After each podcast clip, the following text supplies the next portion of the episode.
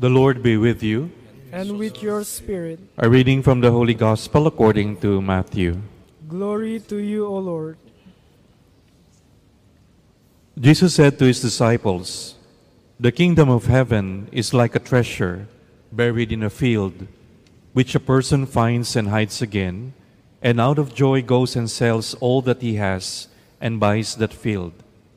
Again, the kingdom of heaven is like a merchant searching for fine pearls. When he finds a pearl of great price, he goes and sells all that he has and buys it. Again, the kingdom of heaven is like a net thrown into the sea, which collects fish of every kind.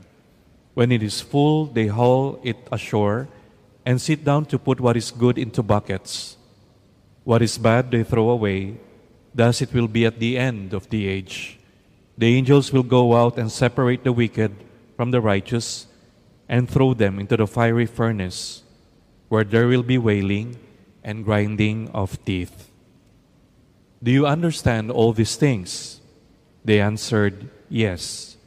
And he replied, Then every scribe who has been instructed in the kingdom of heaven is like the head of a household who brings from his storeroom both the new and the old.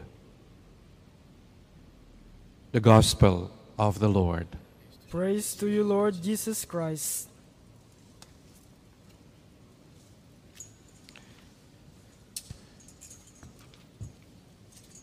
When King Solomon was asked by the Lord in a dream what he wants and the Lord will grant, Solomon chose wisdom. My brothers and sisters, what does it mean to choose wisdom? And how is this significant for us in our day to day life?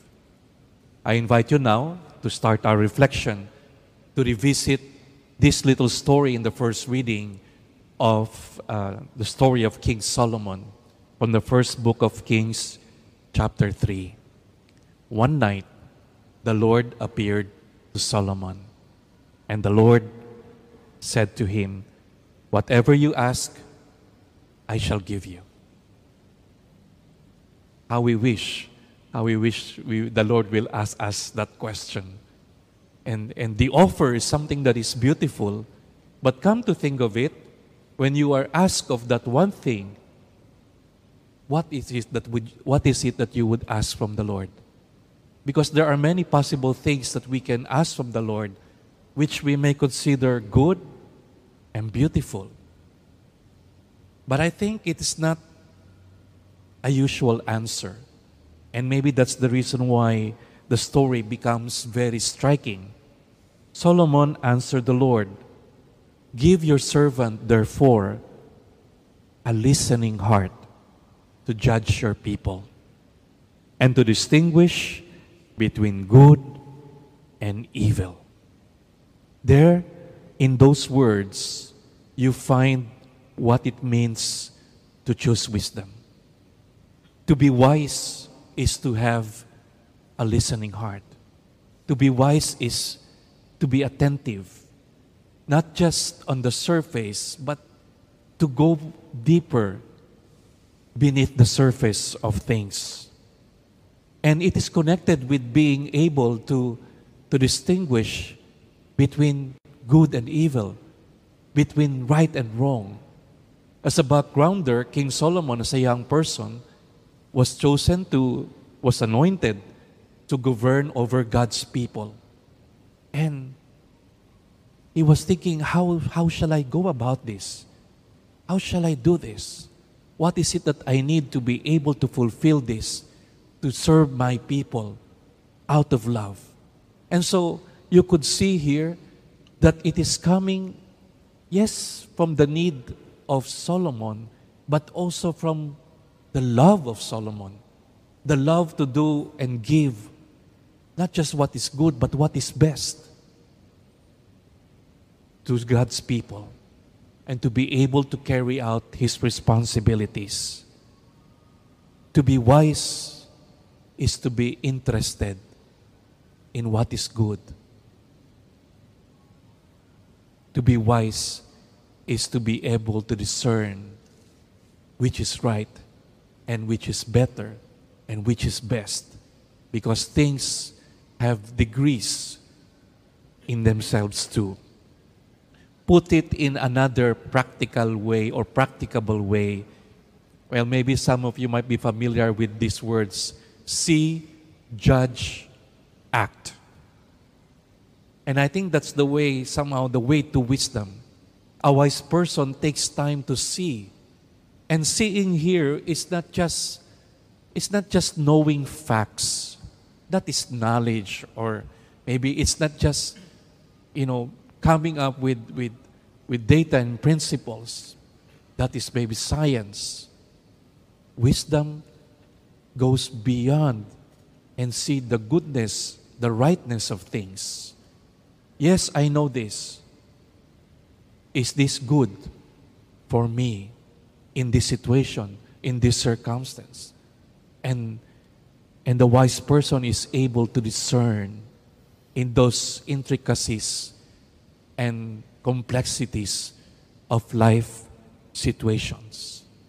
And that's why after seeing, we need to judge. But how do we judge things?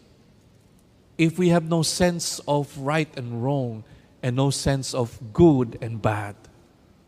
And that's why it is important to know how things are decided, on what grounds, on what value, my sense of justice and fairness in judging things. And not just seeing, and not just evaluating or knowing the value of things, but also pursuing it and acting on it. So, a wise person is not just a thinking person or a listening person, is also an acting person. So, how is this significant for our life? Look at our life. We go through different circumstances in life. Our day to day life is full of decision making.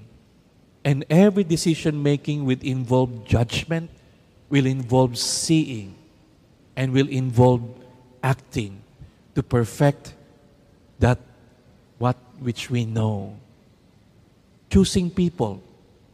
For example, we choose people whom we will put in public offices.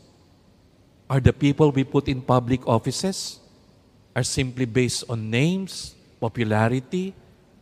Do we consider them as people who know what is good or bad or who has a sense of justice and fairness?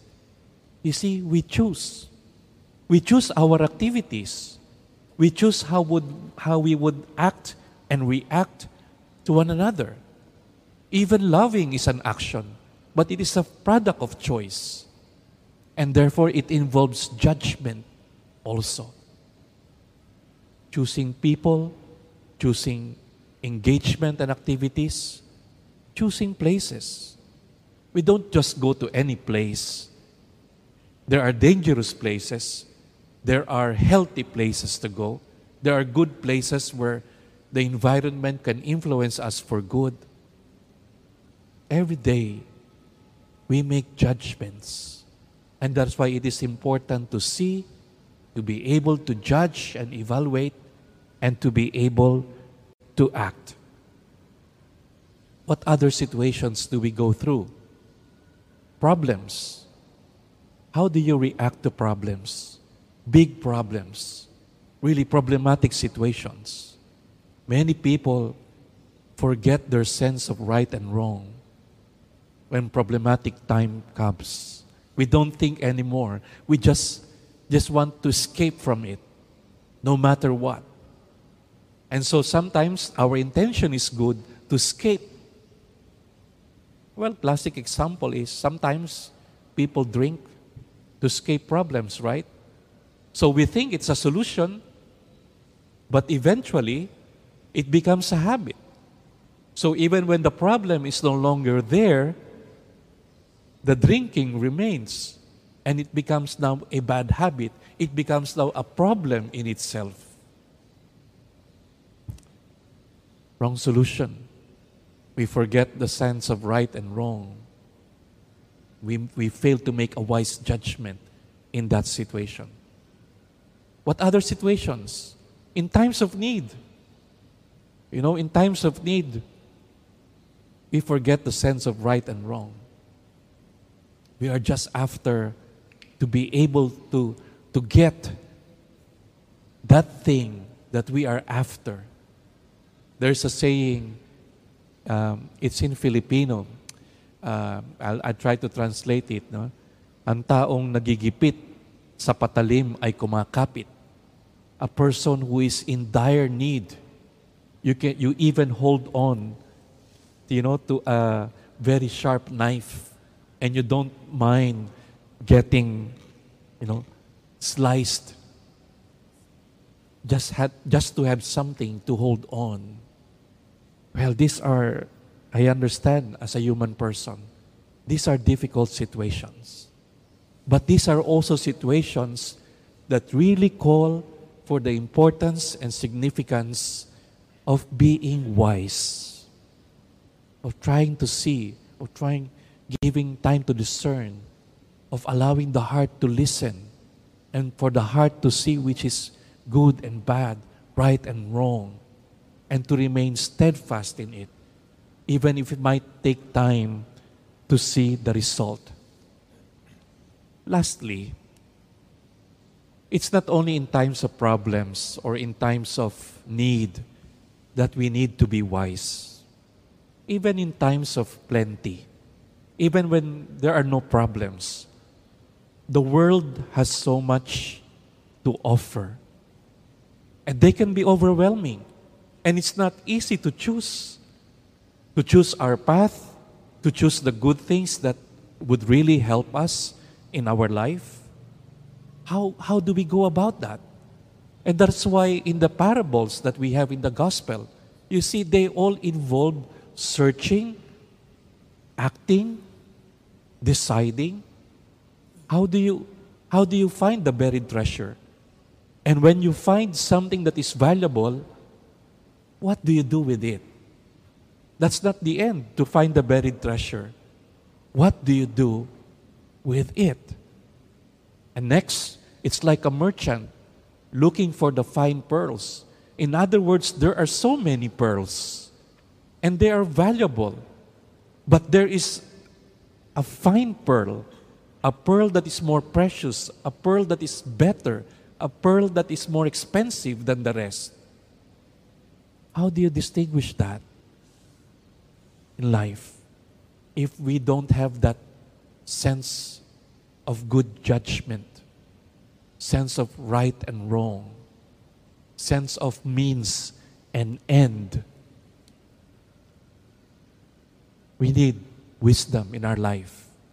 And that's why when you look at the story of Solomon, when Solomon chose wisdom, Yahweh was well pleased. And Yahweh said to him, Since you did not ask for long life for yourself, nor for riches, nor for the life of your enemies, but you ask for discernment to know what is right, I now do as you request. I give you a heart so wise and discerning. And I think Yahweh was really, the Lord was really pleased with Solomon. You know why? If you continue with the reading, I mean, if you go to the book of Kings and continue a few verses more, this is what, Yah, what the Lord told Solomon. In addition, wow, now there is an addition because you chose well. In addition, I give you what you have not asked for. Imagine, there are things that God give us which we do not ask, which somehow flow from other choices that we make. And the Lord told Solomon, I give you such riches and glory, and if you remain faithful, I will give you a long life. Lastly, just an addition. Wisdom leads us to God. Wisdom leads us to God. That's why it's important for us who seek God. Because in wisdom, you distinguish between good and evil. And good judgment would tell us to choose what is good. If our direction is seeking and choosing what is good, where do you think it will lead us? You continue searching for that fine pearl, a pearl that is better than the others. It leads you to the source of all good, who is God. That is how we address God. God, source of all goodness. And so to pursue goodness, to pursue that leads us to God. And love, love is no other than pursuing the good of the other. That's why true love is not pursuing evil for the other person. True love is really seeking the good of the other. And that's why the more you become wise, the more you seek what is good, remember this the better you will love. The better you will love, and you will continue to love in a better way. Before I close this, I remember, and I was happy to discover what I remember. I remember in the gospel, there was that portion when the evangelist said, There is somebody greater than Solomon here. And I found it so striking because it was just a chapter before our gospel. When the evangelist Matthew said, And there is something greater than Solomon here. And it is referring to Jesus. It is in chapter 12, verse 42. And our gospel is in chapter 13. It prepares us to see Jesus as not only the fountain of all goodness, but also the source of wisdom. So let me end this with few words. Seek wisdom, love wisdom. Then you love better and you live better.